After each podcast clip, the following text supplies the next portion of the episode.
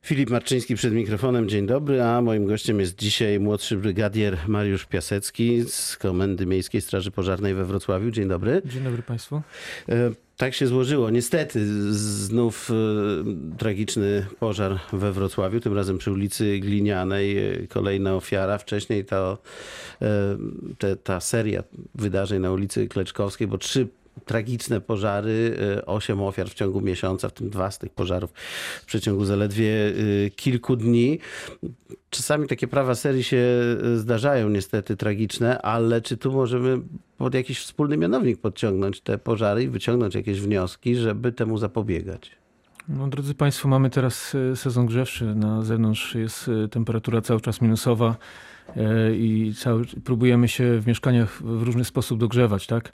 Ja bym chciał zaapelować, e, że w przypadku stosowania e, jakichś elementów grzewczych, zamiennych, które nie są standardowymi elementami grzewczymi na wyposażeniu mieszkania, tak? to prosiłbym zachować wszelką ostrożność tak, przy używaniu tych elementów. Jeżeli używamy jakichś promienników zasilanych gazem czy zasilanych energią elektryczną, to prosiłbym zwracać uwagę, żeby te promienniki stały tak e, należycie, e, żeby nie były w pobliżu elementy łatwopalnych, żeby stosować je zgodnie z, e, z instrukcją producenta, żeby zwracać uwagę, żeby czasem gdzieś nie zleciało jakieś ubranie na ten promiennik, bo chwila nieuwagi, ubranie zleci i może dojść do właśnie jakiegoś niebezpiecznego pożaru, który później podczas na przykład naszego snu spowoduje to, że może to doprowadzić do e, tragedii. Czyli tutaj e, w przypadku tych pożarów można powiedzieć, że to była nieuwaga? Czy to już stwierdzone?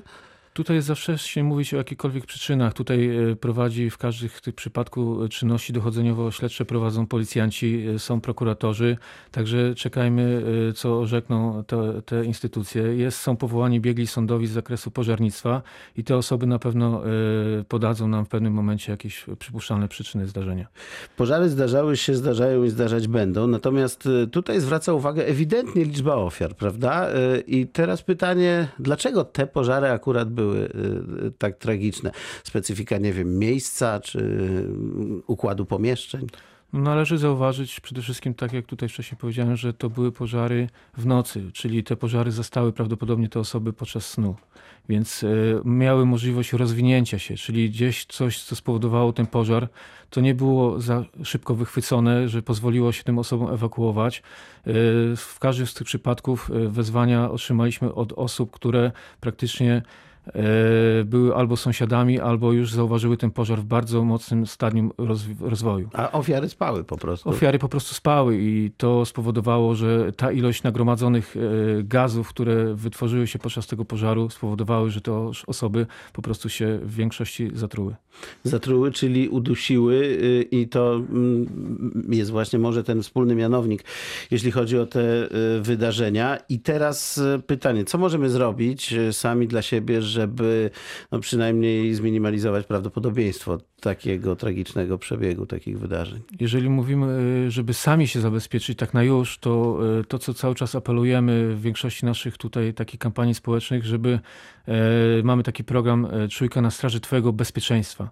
Apelujemy, że jeżeli ktoś ma e, na przykład e, ogrzewa mieszkanie piecem na paliwo stałe, na gaz e, i ma tą świadomość, że jakiś element, czy to zadymienie, czy tlenek węgla, czyli ten cichy zabójca może wystąpić, apelujemy, żeby kupić za te 50-100 zł czujkę, czy to dymu, czy y, tlenku węgla, tak zwanego potocznie czadu, zamontować w mieszkaniu i pamiętajmy, że te e, dwa elementy detekcyjne pozwolą nam zareagować na jakiekolwiek zagrożenie, które się wytworzy w mieszkaniu właśnie spowodowane tym zadymieniem czy tlenkiem węgla Czyli nas obudzi po prostu, krótko nas mówiąc. obudzi, one wytwarzają taki specyficzny, głośny sygnał dźwiękowy, alarmowy, który na pewno nas obudzi i będziemy w stanie się uratować, zareagować. Mieliśmy w jednym z tych przypadków, o których wspomnieliśmy, taką sytuację, że taki czujnik tlenku węgla był zamontowany w mieszkaniu sąsiadki i to sąsiadka nas wezwała do jednego z tych pożarów poprzez to, że ten właśnie czujnik tlenku węgla u niej w mieszkaniu zadziałał. No, czyli rzeczywiście y, warto w przypadku, jak pan mówi, kiedy mamy coś, co działa na gaz czy na węgiel, tak, w takich, e, w takich, w takich razach. Y, Natomiast y, Ciekaw jestem, jak to jest z tą prewencją dotyczącą stanu instalacji, przewodów, tych urządzeń grzewczych. No bo tak, mieliśmy tą tragedię w Koszalinie z escape roomem. No i wtedy oczywiście, jak to u nas akcyjnie na całą Polskę, wielka kontrola escape roomów, okazało się to i owo, to teraz może nie jest ważne, ale przecież do mieszkania właściwie nikt nie przychodzi, żeby e, skontrolować, czy my prawidłowo na przykład użytkujemy piec, prawda? Tutaj jakie są możliwości, jeśli chodzi o w ogóle instytucjonalne zadbanie o bezpieczeństwo? No przede wszystkim należy pamiętać, że e, w budynkach mieszkalnych, wielorodzinnych czy jednorodzinnych e, mamy obowiązek jako zarządcy, właściciele tych obiektów przeglądać przewody spalinowe, wentylacyjne raz na rok. To jest nasz obowiązek związany z prawem budowlanym. Następnie, zgodnie z e, rozporządzeniem ministra spraw wewnętrznych, e, powinniśmy te przewody, e, jeżeli opalamy je na przykład węglem czy drewnem, powinniśmy je cztery razy w roku czyścić. Jeżeli opalamy gazem, lub e, jakimś ciekłą, e, ciekłym paliwem, to też e, powinniśmy te przewody czyścić dwa razy w roku. Więc to już jest jakaś podstawa i obowiązek z każdego z nas, żeby takie czynności wykonywać. Pamiętajmy, że to się wiąże z tym, że inspektor nadzoru budowlanego może zawsze nałożyć na nas jakiś mandat karny, jeżeli takie coś nie zostanie przez na przykład zarządcę obiektu wykonane. Dodatkowo pamiętajmy, że w przypadku, kiedy no, zdarzy no, się właśnie, już ta katastrofa, ale, no proszę dokończyć, tak. to miejmy o to, że mamy ubezpieczone na przykład mieszkanie, może być tak, że ubezpieczyciel z powodu braku takich badań, które te, znaczy tych, czy, przepraszam, badań, tych, e, tego czyszczenia, e, z braku protokołu e, z takiego czyszczenia przewodu, może no, nam odmówić wypłaty po prostu odszkodowania. odszkodowania. Więc te, te, te czynności powinny przez nas być pilnowane, być wykonywane, ponieważ to się wiąże z różnymi rzeczami, które negatywnie później mogą wpłynąć na wiele naszych, na nasze Jasne. życie też codzienne. Jasne, no ale to jak mamy dom jednorodzinny, to wiadomo, to na nas to spoczywa, prawda? Natomiast ci, którzy mieszkają we wspólnotach mieszkaniowych, spółdzielniach, no różne są te formy y, własności i zarządzania y, w tej chwili, to być może też sami powinni jakoś y, obligować tych swoich zarządców do tego, żeby te czynności były wykonywane. I pytanie, czy z Pana doświadczenia są one wykonywane, czy różnie z tym bywa? Ja nie dopuszczam w ogóle myśli do tego, że zarządca, który